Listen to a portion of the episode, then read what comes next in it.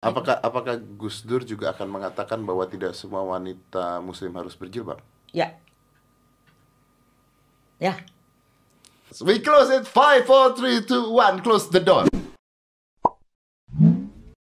Menurut saya uh, memang untuk mem- me- menghadapi mereka itu susah, susah ya. Nah, karena itu saya berpikir bagaimana kalau kita mencoba itu melalui budaya. Jadi kita coba membela yang satu pihak tidak melemahkan pihak yang lain melalui budaya. Karena ini jalan tengah ya. Ya, saya kira itu. Ini jalan tengah. Ya. Nah, kalau melalui budaya, saya kira tidak akan tidak akan yang, ada yang dirugikan saya kira. Karena itu saya melihat Gus Dur melakukan yang seperti itu. Kemudian para wali songo juga melakukan yang seperti itu. Dan akhirnya toh mereka semuanya berhasil toh. Bagaimana kenapa kita tidak coba mencari jalan melalui jalan budaya seperti ini? Tapi bukankah budaya ini juga menjadi sebuah hal seksi untuk beberapa bagian? Contohnya begini, wanita berkebaya. Hmm, Wanita berkebaya itu kemben. hmm, bukan. Kebanyakan lain. yang gini baju. Ya, maksudnya kebaya, tapi kan nggak nggak full, Ah, ya, nggak ketutup. Mereka Pakai nggak kudu baru. Ya, nggak namanya ketutup. Nah. kudu yang begini itu kudu baru. Nah, ya, kutu baru itu contohnya. Atau kutu baru yang begini. Atau kalau eh, berkebaya kan biasanya eh, apa? segini ya. leher kelihatan. Bagian leher Nah. kelihatan dan sebagainya. Terus mereka tidak berhijab contohnya gitu ya. Seperti saya. Nah, seperti Anda gitu ya. Ah, ini kan kemben itu, kutu baru itu atau eh, kebaya itu adalah budaya Hmm. Indonesia. Hmm. Tapi di satu sisi juga ada yang berbeda pandangannya. Hmm. Ini kan nggak bisa disatukan, Bu. Ya, tapi kan Bisa, bisa sebetulnya, bisa. Karena itu salah mengartikan ajaran agama secara tekstual dan kontekstual. Bisa itu kalau itu masalah itu sebetulnya bisa. Kalau masalah itu, Masalah itu. ya. Oke, saya, Kalau saya hijab dan dan yang tidak berhijab itu bisa. oke, se- oke, saya contoh saya kurang ngerti nih, tapi Ya, begini. Ah, orang yang memakai bahwa bahwa budaya itu bisa menjadi ah, apa ya bahasa Inggrisnya itu ah, ah, apa sih? Bahwa budaya itu bisa bisa eh, bisa menjadi hukum juga gitu. budaya bisa menjadi hukum juga. Ya, jadi apalagi soal soal so- soal jilbab atau soal sedangkan istilah jilbab dengan hijab itu beda sekali pengertiannya.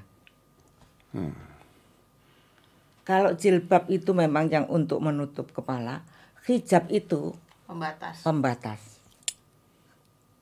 Karena hijab itu karena pembatas biasanya dari bahan-bahan yang keras seperti kayu dan sebagainya.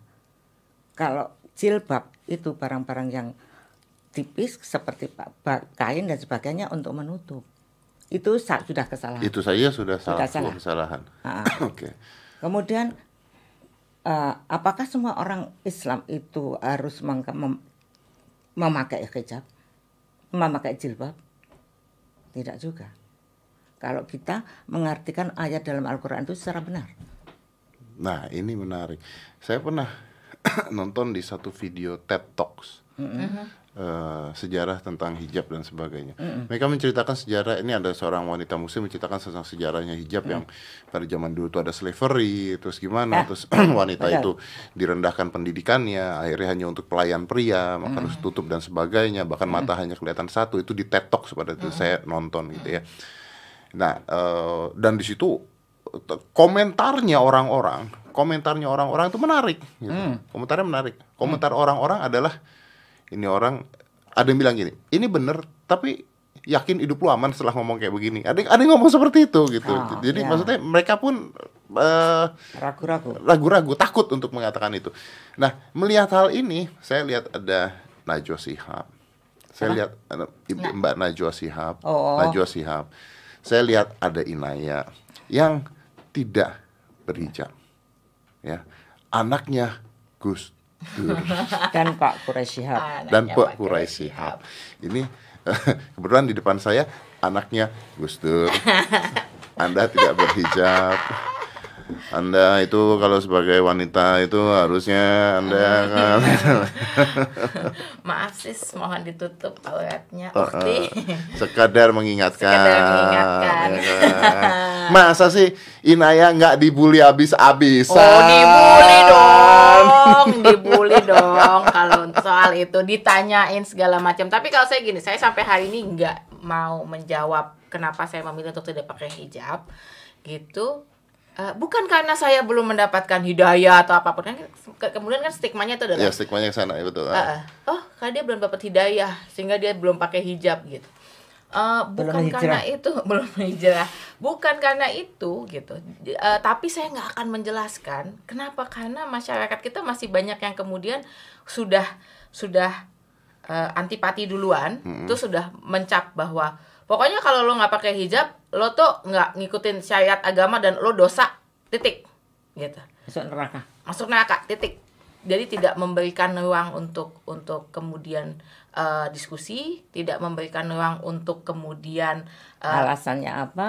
eh, eh, padahal gini Betul. ketika misalnya saya memilih untuk tidak memakai hijab gitu itu karena ada dalil-dalil lain juga yang saya yang saya ikuti jadi gini itu kan eh, para imam-imam besar juga kemudian juga banyak yang yang nggak sepakat kok soal itu gitu tapi kan kemudian yang dilihat hanya bagian Yang- banyak yang kemudian mereka hanya mau ngelihat bahwa pokoknya lo dosa haram haram titik gitu lo nggak nutup aurat titik gitu tapi kemudian tidak menyisakan ruangan jadi makanya saya kayak tidak terima debat Itu kayak kayak eh, seni sulap loh sebenarnya. Di seni sulap itu ada bahasa Inggrisnya, eh, tapi kita bahasa Indonesia aja. Intinya begini, kalau seni sulap main terus orang ada yang ngomong, oh itu pakai jin, karena oh bisa hilang bisa muncul gitu. Ada seorang eh, magician di luar negeri mengatakan gini, intinya dia mengatakan gini, kalau yang saya lakukan dan anda sok tahu caranya gimana, penjelasan apa pun yang saya ngomongin, anda nggak akan terima. ya Ah, Gitu. iya seperti itu. Anda nggak akan bisa terima. Kalau Anda nggak tahu caranya seperti apa, saya jelasin sebagaimanapun, Anda punya pemahaman sendiri pasti. Intinya adalah dia mengatakan bahwa gue tidak bisa menerangkan ke lu. Ketika lu sudah punya pemahaman tertentu gitu, gue nggak akan menang, nggak akan benar gitu. Karena lu bukan bukannya bukannya mengajari atau bukan mencerdaskan, tapi lu ngejudge. ya Intinya Ya. kan seperti itu kan. Nah, oke, I'm agree with that. Tapi ibu tadi mengatakan bahwa eh, tidak semua wanita harus berhijab. Ya, Berani sekali ibu mengatakan Berjilbab. seperti itu. Berani. Eh, berjilbab. Ibu berani sekali mengatakan Iya. tidak tidak semua wanita harus berjilbab. berani. Kok ibu berani ngomong gitu bu? Karena Al-Quran saya me- me- mengartikan Al- Al-Quran menurut pelajaran menurut dengan eh saya, saya artikan secara te- kontekstual bukan secara tekstual. Dan it, orang menerjemahkan agama ayat-ayat itu harus memenuhi beberapa persyaratan.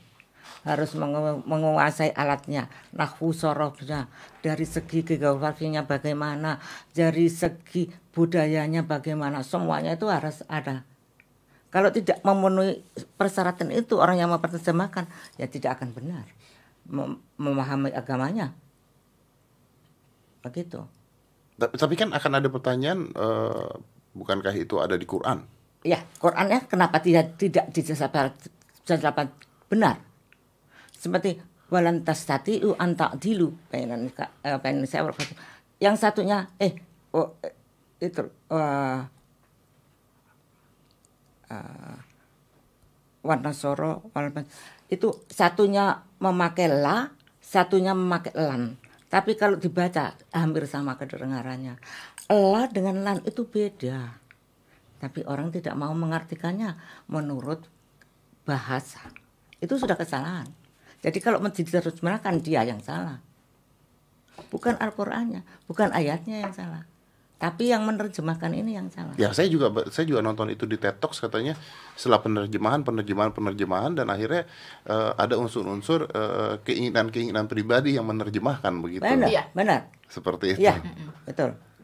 Nah, akan jadi dipengaruhi oleh eh, adat budaya setempat cara berpikir dia juga itu mempengaruhi pe- pemahaman terhadap ayat-ayat agama yang bukan menjadi yang bukan menjadi bahasanya apalagi yang bukan bahasanya. Sedangkan yang yang sama bahasanya pun bisa salah juga mengartikannya.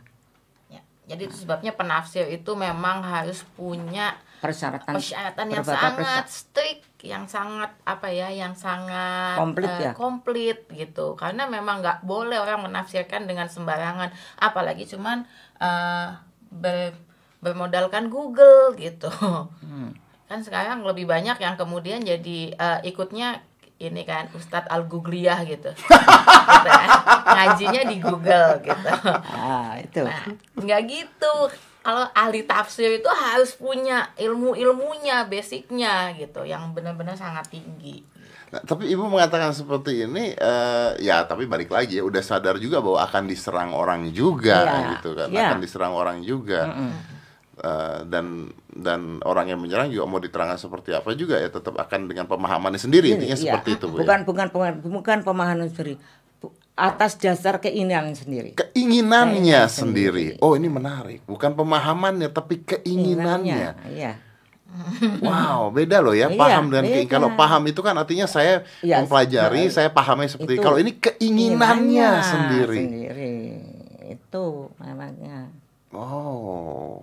ah itu yang bahayanya di situ itu Kalau keinginannya sendiri artinya bisa saya buat seperti apa pun dong ya. ah, itu Ya, Iya. jadi kayak misalnya banyak sekali kayak ibu, ibu tuh misalnya eh, nulis satu buku bersama para ini Ya, para teman-teman, ya, agama ya, ya, lain ya. gitu ya. Kayak yang dari yang dari segi eh, bahasanya ada, ada sendiri saja ya untuk kalau dari segi bahasanya ini artinya apa karena satu satu kata itu mempunyai beberapa macam makna. Bahasa Arab itu. Kemudian dari segi budayanya dari segi apa Sejarah ya, turunnya. ah, asbabun nuzulnya asbabun wurudnya itu apa bagaimana ceritanya? Itu semua saya kumpulkan untuk eh, mentelaah dengan lebih instan lagi tentang masalah itu gitu kemudian kita rerai Nah, jadi ada satu bukunya Ibu yang membahas tentang meng- eh, interpretasi kitab ada beberapa kitab yang misalnya yang diajarin di pesantren gitu. yang Yang disebut ternyata kitab kuning ya, disebut ya. kitab kuning. Nah, itu banyak sekali yang tadi itu bias-bias mas bisa gender, gender karena ada kepentingan-kepentingan di situ gitu. Dan keinginan-keinginan ada, ya itu. itu ada keinginan-keinginan itu gitu jadi nah itu kemudian kalau padahal kalau ditelaah dilihat segala macam eh, mungkin berbeda dengan tafsiran yang yang mereka ajarkan. Eh, yang punya kepentingan-kepentingan dan keinginan-keinginan tadi itu mungkin sebenarnya berbeda gitu aslinya gitu. Hmm. jadi ibu dan beberapa kiai lain ya dan dan beberapa teman-teman ahli saya pada bidangnya masing-masing lah. Me- meneliti itu mengkaji nah, mengkaji itu. ulang. Mengkaji ulang Tapi kenapa ibu dan teman-teman sebagiannya itu kalah suara ya kayaknya sekarang? jangankan dengan kelompok mereka sendiri. Saya memasukkan ke dalam misalnya saya dari orang pesantren masukkan ke pesantren-pesantren yang sudah memahami itu secara secara bias gender. Susah. Masih susah. Saya itu punya yayasan yang saya namakan yayasan Puan Amal Hayati Puan itu bukan bukan nama ya. Puan itu singkatan pesantren untuk pemberdayaan perempuan. Namanya amal hayati artinya harapan hidupku. Jadi saya memberikan harapan hidup kepada perempuan-perempuan begitu. Karena saya menyebut puan pesantren untuk pemberdayaan perempuan otomatis jalurnya lewat pesantren. Tapi untuk mencari tempat yang di situ tidak ada diskriminasi atau disubordinasi terhadap perempuan susah dan ketika saya menyalurkan itu, kitab rewrite yang saya rewrite itu, reinterpretasi itu, ke dalam pesantren-pesantren itu, banyak juga yang menolak. Ini padahal sama loh, sejalur lah, kita sejalur. Itu banyak juga yang menolak. Karena kalau kiai-kiainya itu kiai yang sudah sepuh, yang membaca kitabnya yang tebel-tebel itu, menerima. Tapi kiai-kiai yang baru, yang masih muda-muda nggak mau. Karena kalau di- dijelaskan secara benar maka kedudukan mereka yang sudah enak dilayani perempuan akan terganggu. Itu. Jadi PR banyak. itu makanya Orang, orang akan orang akan bertanya ke- apabila Gus Dur masih hidup, apakah eh, beliau akan menyuruh eh, Inaya menggunakan hijab atau jilbab? Enggak dari dulu nggak pernah. Tidak pernah dari dulu. Dari dulu nggak pernah. Eh, gini, itu kan itu kan kesa ya itu budaya sebetulnya iya Ya. gitu. Apakah apakah Gus Dur juga akan mengatakan bahwa tidak semua wanita Muslim harus berjilbab? ya ya Apakah setelah kita ngomong seperti ini, Hah? maka akan timbul video-video lain yang Oh, ya bisa menyerang? jadi. Nggak usah gitu di kolom komen aja nanti. Kita tunggu di kolom komen. Ah, nanti akan ribuan ya ya ya, makanya sekali lagi gitu eh, sebenarnya ketika ada ada bagian-bagian sejarah yang kita nggak nggak apa ya nggak tahu nggak nggak nggak mau lihat kah atau nggak eh, nggak nggak emang nggak lihat nggak tahu gitu. Atau emang kita mau. menolak gitu. Bahwa misalnya nih contohnya satu gitu. Saya gedenya di di di kalangan NU di kalangan yang emang eh, dulu pakainya kerudung. yang kayak dipakai Ya. ibu nenek-nenek saya. Pendiri NU gitu istrinya kerudungnya ya begini. Terus kalau misalnya kita nih bilang hari ini bahwa yang nggak pakai hijab, yang nggak pakai jilbab itu kemudian adalah orang-orang yang nggak dapat hidayah dan segala macam. Kita mau bilang istri ibu-ibu nyai, istri-istri pe- apa pendiri NU itu atau kiai-kiai yang ulama-ulama zaman dulu mereka adalah eh, adalah orang-orang yang nggak nggak dapat hidayah saya siapa mas? Gitu. Ya kan? Kalau kalau saya ini sebagai musliman ya saya Anda berani siapa? bilang bahwa Berani RA Kartini- gitu. iya saya, saya iya saya apakah dia siapa? bukan Islam? Islam. Lah ya saya berani bilang bahwa oh itu orang-orang yang nggak dapat hidayah gitu. Kan? Dan sementara sementara wacana untuk menggunakan hijab sendiri gitu jilbab sendiri itu kan munculnya akhir-akhir ini. akhir-akhir ini 10-15 tahun belakangan ini. Itu sebelumnya para muslimah yang nggak pakai hijab gimana dong dianggap nggak dapat hidayah. Terus apakah ma- masuk neraka? Emang neraka itu milik siapa? aku nggak tahu mereka Jangan surga kan- itu milik iya. siapa? Yang memasukkan ke surga itu siapa? Apakah anda sendiri dengan jilbabnya sendiri itu yang memasukkan surga? Iya toh kita sih nggak punya emang kunci surga ya. Nah itu. Nggak tahu deh. Kalau mereka kan mungkin punya orang dalam aku nggak tahu. Jadi udah pasti masuk surga. Kalau kita mah enggak ya jadi ya Iya. kita nggak berani lah nggak punya tiket orang. free pass-nya itu. Ah, ah, ah. padahal kalau saya ditanya siapa yang masuk surga terlebih dahulu?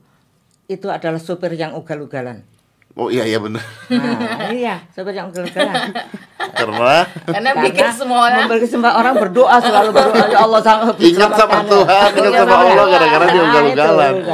Itu yang masuk surga lebih dulu. lebih dulu. Tapi ya tadi menarik makanya saya mengatakan ibu kita RA Kartini yang ada lagunya Putri Indonesia Putri Sejati. Iya iya Masa Anda mau bilang bahwa itu tidak benar gitu ya? Eh, iya. Maksudnya maksudnya larinya ke sana karena itu budaya kan Iya. sebenarnya kan. Dan Iya. kita kemudian menjadi muncul penghakiman-penghakiman bahwa misalnya gini, "Eh, maaf, em, cuma sekedar bertanya agamanya apa ya gitu. Misalnya kita lihat perempuan, terus kemudian dia nggak pakai hijab, jadi kita masa perlu nanya gitu. Terus, oh ternyata dia muslim gitu. Terus kita punya penghakiman bahwa oh kok dia nggak pakai hijab ya?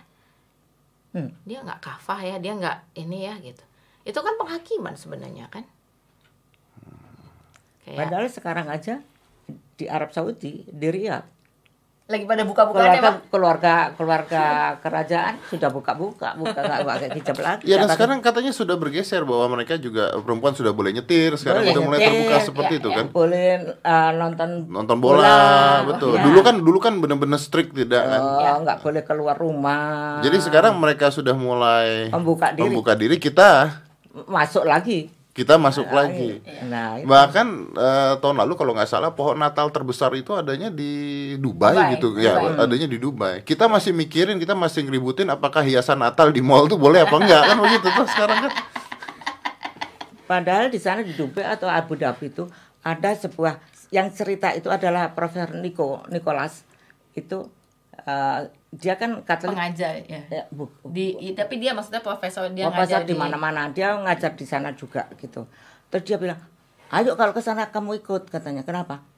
Di sana itu ada sebuah masjid yang sangat besar, ya, sangat besar, sangat indah. Tapi di pelatarannya itu, eh, di terasanya itu berbagai macam agama bisa berdoa di situ semua. Jadi itulah yang yang namanya toleransi itu itu. Itu yang namanya Indonesia itu itu. Harusnya. Harusnya, harusnya. yang berbineka tunggal Berbineka ika. tunggal ika. Saya dulu di ke- kecil diajarinnya gitu ya perasaannya. Dulu bangun rumah ibadah bareng-bareng agamanya Iya. beda gitu kan Iya, dulu ya. iya. Ada di P4, PPKM. kayak gini misalnya misalnya nih ya eh, kita kemudian me- me- berusaha untuk membenarkan sikap-sikap yang eh, ini banyak misalnya ada yang ngomong gini oh gereja ini ditutup. Mereka nggak boleh nggak boleh nggak boleh apa namanya nggak boleh ibadah di situ gitu. Terus nanti kalau kita kita ngomong di publik eh ini ada yang yang nggak boleh ibadah loh. Ah itu mah bukan karena mayoritas eh, semena-mena itu karena dia nggak punya izin aja gitu. Jadi dicari-cari kemudian pembenarannya gitu. Iya. itu satu. Yang kedua ya udah kalau emang mereka nggak punya izinnya bantuin dong. Biar dapet izin. Gitu loh. Bukan bukan malah kitanya malah mendukung. Eh lo nggak dapet nggak punya izin. Ya kok bisa mereka teman lo? Kok bisa teman lo nggak bisa ibadah karena nggak punya izin kan harusnya saya sebagai seorang muslim yang baik saya nggak boleh membiarkan saudara saya nggak bisa ibadah Saya tuh mau eh Tia Iksan udah dapat belum? belum Bu- Tanggalnya ya.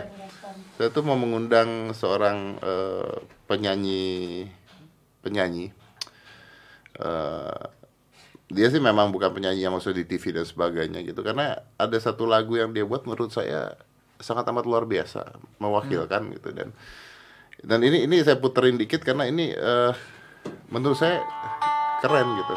Menjadi manusia adalah masalah buat manusia. Makin hari makin susah aja jadi iya. manusia gitu. ke sini salah ke situ salah. Tadi dia cuma mengatakan menjadi kaya itu susah. Tapi menjadi miskin juga susah. semuanya salah Ah, iya. salah Itu menjadi miskin. Kalau menjadi miskin, orang miskin tidak boleh sakit. ya kan? iya, Karena bayarnya susah. Susah, benar, Ah, iya. benar. Karena itu lebih baik mati aja terus langsung. Iya benar. Nah, iya itu. benar. Tadi ya kan dia bilang katanya bersurban di eh, dibilangnya karap-arapan. Iya. Pakai celana lepis dibilangnya ke barat-baratan Barat-baratan. gitu. Sebenarnya kan eh, kalau yang saya ditangkap adalah sebenarnya ini dulu nggak ada nih masalah beginian nih. Iya. Nggak ada orang yang yang eh, ngeributin itu sampai tiba-tiba wah jadi heboh banget gitu loh.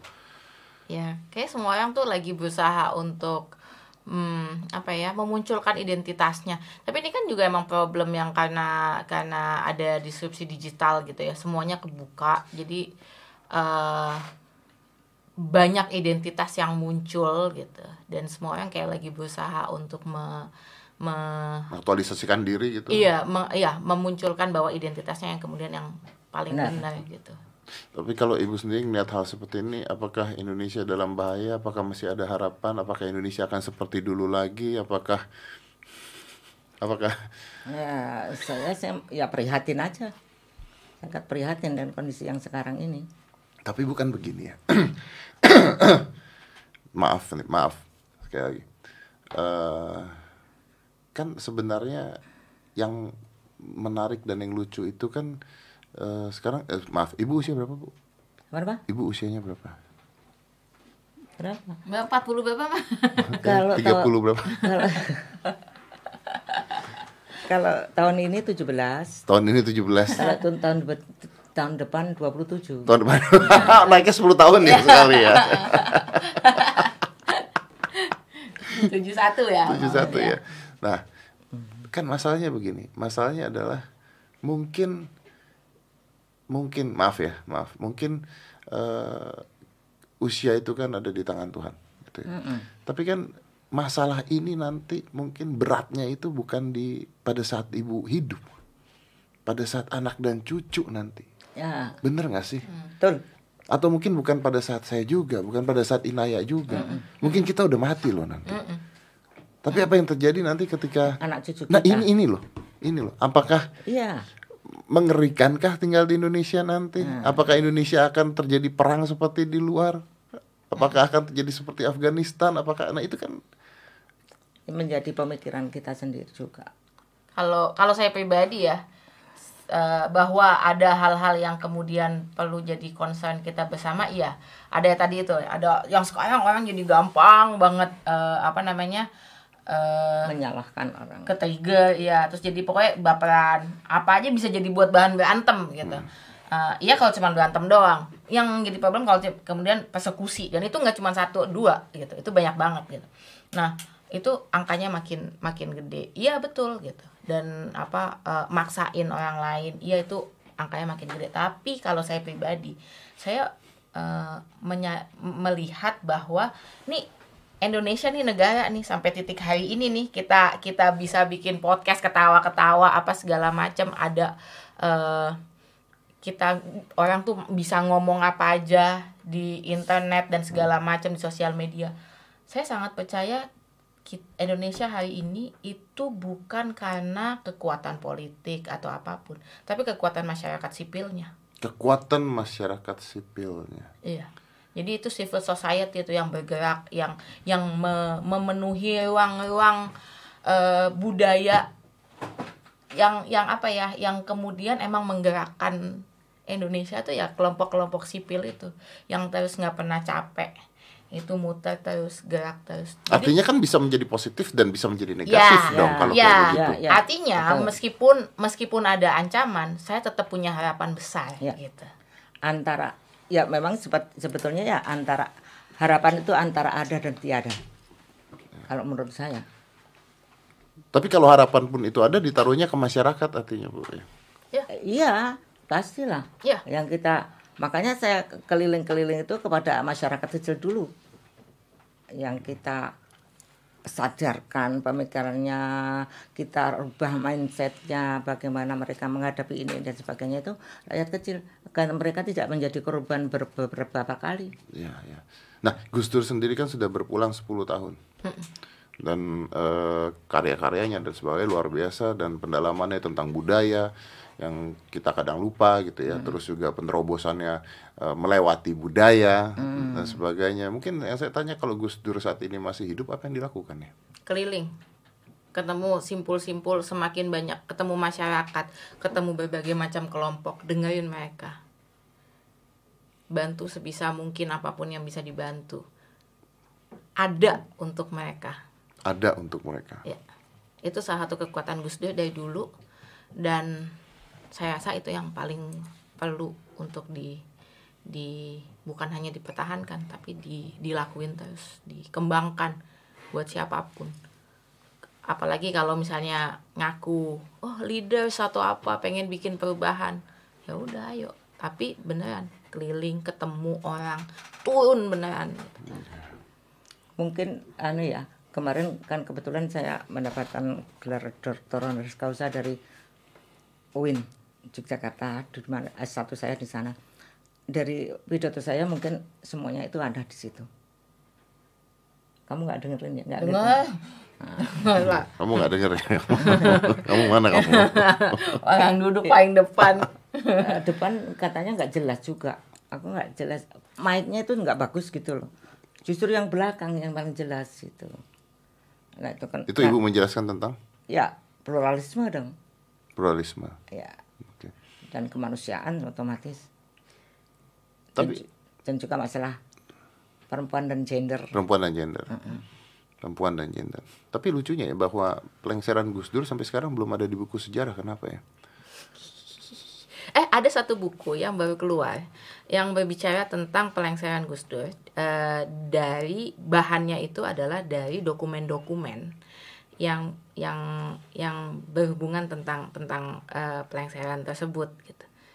Nah itu dibuat bukunya oleh saya harus ngecek Dan apakah buku itu cukup memuaskan Anda sebagai anaknya? Eh, saya bahkan belum baca ini karena lagi baru dikeluarkan Oh, baru dikeluarkan. jadi bel- lagi nunggu kirimannya lagi dikirim kemarin baru beli jadi belum baca tapi yang menarik adalah buku itu eh, buku itu dibuat dari dokumen-dokumen yang ditemukannya itu di em, gudang mau pindahan kalau nggak salah terus ya udah dokumennya digeletakin gitu aja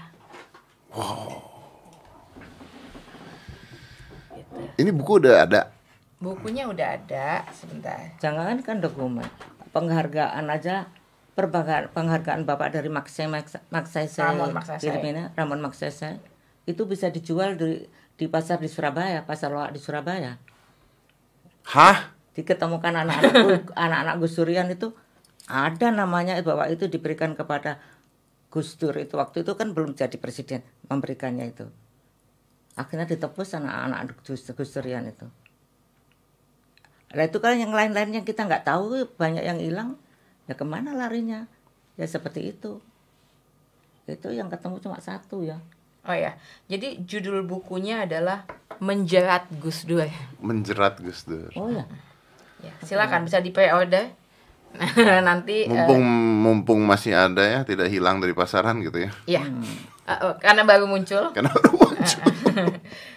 Jadi silakan kalau ada yang mau tahu tentang eh, apa yang terjadi, apa yang dilakukan eh, kepada Gus Dur berkaitan dengan pelengserannya, silakan aja pre-order buku Order tersebut. buku tersebut. Iya, ya. bukan aku yang nulis Padahal loh. bukan, tapi kan ya ya ya ya, tapi ya mumpung masih ada bukunya ya, mumpung masih ada. cepat-cepat Cepat-cepat, Nah, cepat-cepat. Nah, tapi kalau apakah eh, apakah saat ini ada sosok yang serupa dengan Gus Dur nggak sih sebenarnya? Jadi waktu eh, Gus Dur meninggal gitu ya, nggak berapa lama setelah Gus Dur meninggal ada banyak sekali teman-teman gitu ya eh, dari berbagai macam kelompok yang kemudian dulu itu eh, di apa ya di di dibela oleh Gus Dur dan segala macam. Itu kemudian datang ke ke keluarga tuh selalu ngomong hal yang yang sama gitu. Mereka selalu bilang, terus sekarang siapa yang akan belain kami gitu siapa yang akan melindungi kami gitu. Dan eh, di situ akhirnya kita sadar bahwa wah So- Sorry Inaya, kamu lu sedih banget karena memang tidak ada lagi yang melindungi. eh, mereka merasakan. Iya mereka ngerasain itu gitu. Mereka ngerasain Mereka merasa ditinggalkan. ya. Bukan ditinggalkan tapi nggak ada lagi sosok yang akan benar-benar bisa ngelindungin mereka gitu. Nah ke mana mereka mengadu siapa yang mau mendengarkan aduan mereka. Siapa yang punya kemampuan untuk menerima semua orang? Semua orang bisa masuk tanpa harus dijudge tanpa harus di tanpa harus dilihat ini siapa ini siapa gitu. Tanpa harus dibedakan. tanpa harus dibedain Heeh, betul. Nah eh, itu yang yang yang yang mereka semua ngomong gitu. Nah akhirnya kita kita bilang ya berarti emang kita harus nerusin uh, perjuangannya bapak gitu. Tapi tapi perjuangannya bapak itu dulu tuh Gus Dur tuh satu orang tapi kayak sejuta energinya pemikirannya kekuatannya keberaniannya. Keberaniannya yang gitu. banyak orang yang berani ngomong tapi di, eh berani punya pendapat tapi tidak berani pasang badan itu banyak. Yang berani pasang badan cuma gusur Nah, akhirnya kita mikir gimana caranya nyari orang satu kayak Gus Dur gitu. Karena susah, ya udah kalau emang Gus Dur kayak sejuta orang, kalau kita nggak bisa nemuin Gus Dur, kita kumpulin aja sejuta orang. Jadi itu yang kami usaha untuk lakukan sekarang gitu. Dengan misalnya lewat lewat jaringan Gus Durian misalnya. Itu yang yang kita lakukan untuk ngumpulin si sejuta orang itu gitu. Termasuk ya kelompok-kelompok yang yang dulu dibelain Bapak, kelompok-kelompok minoritas itu. Kan minoritas-minoritas kalau dikumpulin jadi Jadi mayoritas mayoritas. jadi banyak. Heeh, ya udah kita kita kita kita saling support aja gitu. Kita nggak bisa kerja sendiri, nggak mungkin bisa kerja sendiri. Karena tidak ada sosok pengganti Gus Dur. Ya, dan memang nggak seharusnya kita kerja sendiri gitu. Ini ini kerja bersama gitu. Semua orang harus harus apa ya? eh, semua orang perlu untuk mulai nggak nggak mungkin saya nggak nggak mengharuskan, tapi perlu untuk kemudian lihat bahwa kita udah nggak bisa kerja sendiri-sendiri, emang butuh bareng-bareng. Tapi artinya kan salah ya. Maksudnya gini, salah nggak sih yang Gus Dur lakukan dulu itu secara politik? Kan sebenarnya beliau harus benar nggak dong? Benar dong. Ya, secara politik secara ya. politik salah dong. Maksudnya kan harusnya beliau memikirkan juga bagaimana mempertahankan, Hmm. tapi bisa bicara. Kalau ini kan beliau senang sekali berbicara, tapi tidak mikir nih lawan-lawannya akan ngapa-ngapain terus gimana gimana. ada satu kan? ada satu tokoh eh, militer kalau nggak salah waktu itu setelah bapak mengeluarkan dekret itu dekret untuk apa namanya eh, DPR itu ya waktu itu Em, dia ngomong gini dia ngomong gini ke kita anak-anaknya your father is a great statesman but a bad politician That's the thing, that's the thing, iya that's the thing, iya, betul. iya tapi kan memang Tapi tapi saya nonton film di Netflix, eh, saya ngomong ke waktu itu ke Sandiaga Uno, saya pernah ngomong, saya nonton film Designated Survivor. Intinya adalah dia orang baik menjadi politikus menjadi presiden dan ketika dia harus menang lagi satu saat dia harus menjadi politikus dan hilang orang baiknya. oh Ya. wow ini film apa dokumenter bukan tentang Indonesia bukan, ya oh, oh, oke Jadi dia harus memilih antara being a politikus atau being a Ya. good person gitu. Karena. Tidak bisa dikesatukan. karena sulit orang. untuk dipersatukan Ya. gitu loh. Sulit untuk dipersatukan. Designated Survivor Kiefer Sutherland. Saya men- menjawab pertanyaan Anda tadi. iya iya Iya. Jawab pertanyaan Anda tadi. Ya, globalization dia tidak bisa menjadi orang yang Jujur, Yang jujur, yang pada baik, dirinya yang- sendiri lah intinya Ya. ya. Bu, boleh tanya pertanyaan pertanyaan terakhir aja karena kayaknya saya makan waktu udah lama banget deh tadi nggak kerasa nih ngobrol panjang Iya. banget. Eh, Ini tapi ini lebih personal. apa tuh? Apa yang dikangenin sih? Eh, dirinya. dirinya tuh berarti seutuhnya dong kalau Iya. di Klo. Ah, iya. Nah, saya istrinya ditanyain apa yang dengan ya dirinya. Ya itu berarti itu se- seutuhnya. seutuhnya. Ya. Iya. Iya lah ngapain nanggung-nanggung ya Iya Pak ya? benar benar benar Iya. benar. Masa tangannya doang Oh, ya, iya, iya. banget. Seutuhnya ya. Dan eh, Gus Dur pernah mengatakan bahwa ini menjadi menjadi pembahasan yang menarik sampai dibahas sama orang-orang waktu saat di Kick Andy. Dia bilang saya tuh belajar dari lima orang sesepuh saya, guru saya. Saya kok diperintahkan apa atau apa ya saya lakukan gitu. Terus akhirnya orang-orang menerka siapa sih se- sesepuh sesepuh Gus Dur ini yang ngajarin Gus Dur itu. Pak Kiai Kiai host itu. Iya. Eh, termasuk pamannya sendiri Kiai Fatah Hashim itu yang waktu itu eh, Gus Dur di situ dan saya mondok di situ. Ya, itu. Terus eh, saya yang tahu cuma saya tak yang tahu dan yang masih saya ingat itu cuma Kiai Fatah Hashim. Artinya artinya eh, mereka ini dulu membentuk Gus Dur menjadi Gus Dur Ya. dengan pemahaman-pemahaman yang menjadi ya. satu bentuk Mungkin bentuk satunya Kiai Khudori dari Tegarrejo, Jawa Tengah. Jawa Tengah itu. Apakah kiai-kiai seperti ini itu masih ada di Indonesia? Tidak ada. Terus terang tidak ada. Aduh. Kiai yang ini kalau kata kalau bahasanya Gus Dur itu kiai kiai kampung yang beneran untuk untuk Eh, Untuk umat. untuk bukan. umat bukan, Bukan kiai handphone dulu sendiri. Gus Dur bahasanya adalah kiai handphone ke mana-mana bawa handphone terus yang lebih sibuk eh, untuk apa namanya eh, hidup untuk handphonenya d- bukan untuk umatnya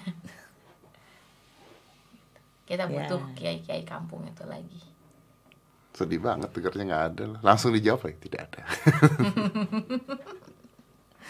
Karena saya nggak nggak nggak nggak melihat. ya. Ya. Kalau saya nggak melihat buat, buat apa saya mengatakan mungkin mungkin mungkin ada. Mungkin mungkin mungkin, ya Mungkin mungkin ada. ya. Cuman mungkin. tidak tidak belum ya. ti- tidak terlihat. Tidak terlihat. Tidak ya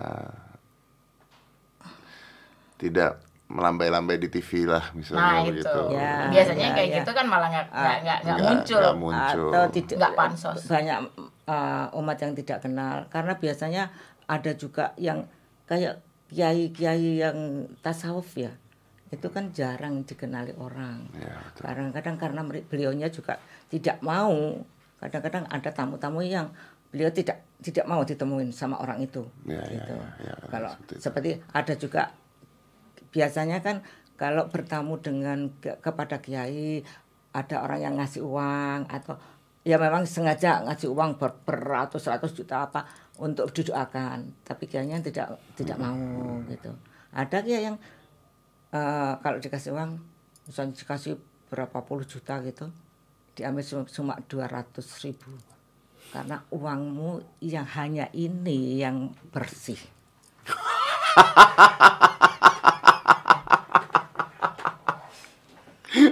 Nah itu. Sarkasme ya. Iya.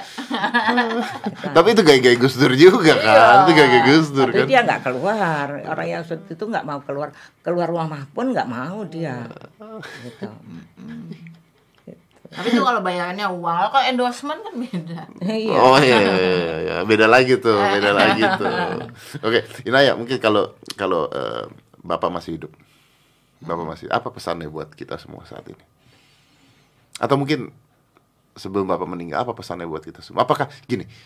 Aduh, saya mesti jadi nanya gini. Apakah beliau tahu bahwa keadaan Indonesia akan menjadi seperti ini? Tahu, Tahu. tahu.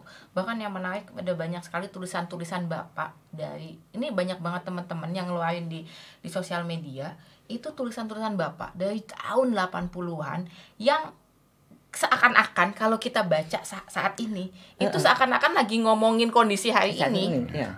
gitu. Jadi udah tahu dan bapak banyak sekali hmm, melakukan apa pun yang dia bisa lakukan. Gitu.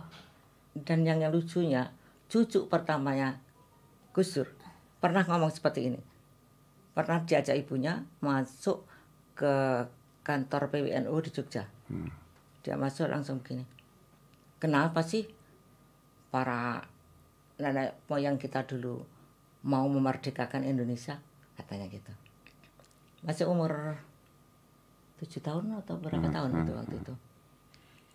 Terus orang-orangnya di situ ya ada anak ansor, bansor segala macam IPPNU segala macam di situ. Loh, kenapa kamu kok ngomong begitu? Toh mereka itu juga kakek-kakek kamu sendiri. Dia bilang, iya. Tapi kalau mereka tahu bahwa negara kita ini sudah seperti ini, mereka pasti akan menangis di alam sana. Dan Gitu. itu anak umur tujuh tahun yang ngomongnya. Tujuh tahun. Begitu ngomongnya. That's amazing. Dia ngomong seperti itu. Dan itu yang mirip Gus Dur sekarang. Itu yang mirip Gus Dur sekarang. ya. Ngomong-ngomongannya seperti mirip Gus Ya, mungkin kita punya harapan bahwa nanti eh, generasi-generasi berikutnya lebih Ya. lebih baik ya. Ya, Lebih baik. ada dan Ya. saya pikir itu juga bukan cuman visual thinking ya. Maksudnya kita bisa lihat kok eh, saya pribadi misalnya ngelihat kemarin teman-teman muda, teman-teman mahasiswa, adik-adik mahasiswa turun misalnya ke jalan. Hmm. Itu buat saya adalah sebuah eh, harapan bahwa oh ternyata kita kita masih punya banyak sekali harapan kok gitu. Buat Kita Indonesia, di- ya. Ah, ah, ah, ah. Selama masih ada orang-orang kayak Mas Dedi, masih ada teman-teman banyak ya kita punya harapan besar Dan orang tahu persis, terutama orang pemerintahan, tahu persis bahwa kekuatan Gus Dur itu sampai sekarang masih ada. Dan ada juga pada anak-anaknya juga ada. Jadi mereka khawatir. Kenapa Yeni tidak terpilih masuk itu? Karena kekhawatiran itu yang muncul. Bahwa kekuatan Gus Dur ada di situ. Pengikutnya juga masih tetap banyak. Dan seakan selalu ada sih. Selalu ada. Dan akan itu yang ada. dikhawatirkan mereka. Mereka akan bukan digusturkan, tapi mereka akan menggusturkan dirinya sendiri. Iya. Itu loh. Itu. Oke. Oke. Well, eh, ngomong apa sih jadinya kok begini ya? iya langsung mengharu biru gitu Iya, karena membuka banyak hal juga dan eh, tadi kan saya bilang saya tuh ngefans banget sama Gus Dur juga. Saya dengerin eh, cita-citanya di YouTube kadang-kadang video-video lamanya masih ada. Saya juga pernah ketemu dengan Gus Dur.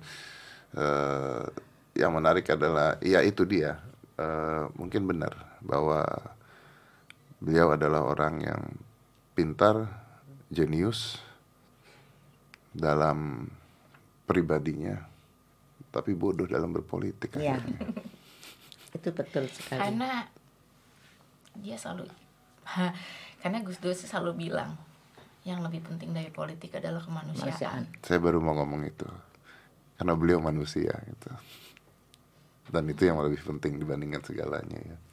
Humanity. ya Karena itu di bakapnya juga beliau berpesan nggak usah dikasih embel-embel apa-apa di makam saya kecuali sebuah kata di sini terbaring seorang pejuang kemanusiaan Pejuang kemanusiaan. pejuang kemanusiaan sudah pernah ke makamnya Belum, saya belum. pernah. Pejuang kemanusiaan. di sana di sini terbaring seorang pejuang kemanusiaan itu yang diinginkan waktu itu Pak Don Bosco mengucapkan itu sambil nangis juga karena ingat pesan Gus Dur seperti itu gitu. Bukan pejuang agama ya. enggak pejuang kemanusiaan karena agama menjunjung tinggi kemanusiaan Agama menjunjung tinggi kemanusiaan. Justru intinya agama adalah menjunjung tinggi kemanusiaan Kemanusiaan. tersebut. Oke, thank you. Ini sudah 10 tahun eh, Gus Dur berpulang dan tapi semangatnya, spiritnya semuanya masih ada, nggak bisa kita pungkiri. Gus Durian, Gus Durian di sana juga masih banyak ya. Dan saya rasa eh, sampai kapan pun masyarakat, anak-anak muda bisa belajar dari perjuangan yang udah beliau lakukan. Mau itu anda anggap positif, negatif, terserah anda ya. Kita nggak bisa menjudge orang juga ya. Tapi yang saya tahu cuma satu bahwa Gus Dur itu ya itu tadi sangat memanusiakan manusia. And I think that's the most important things in life ya, memanusiakan manusia. Ibu, makasih banyak. sama-sama We close it. Five, four, three, two, one. Close the door.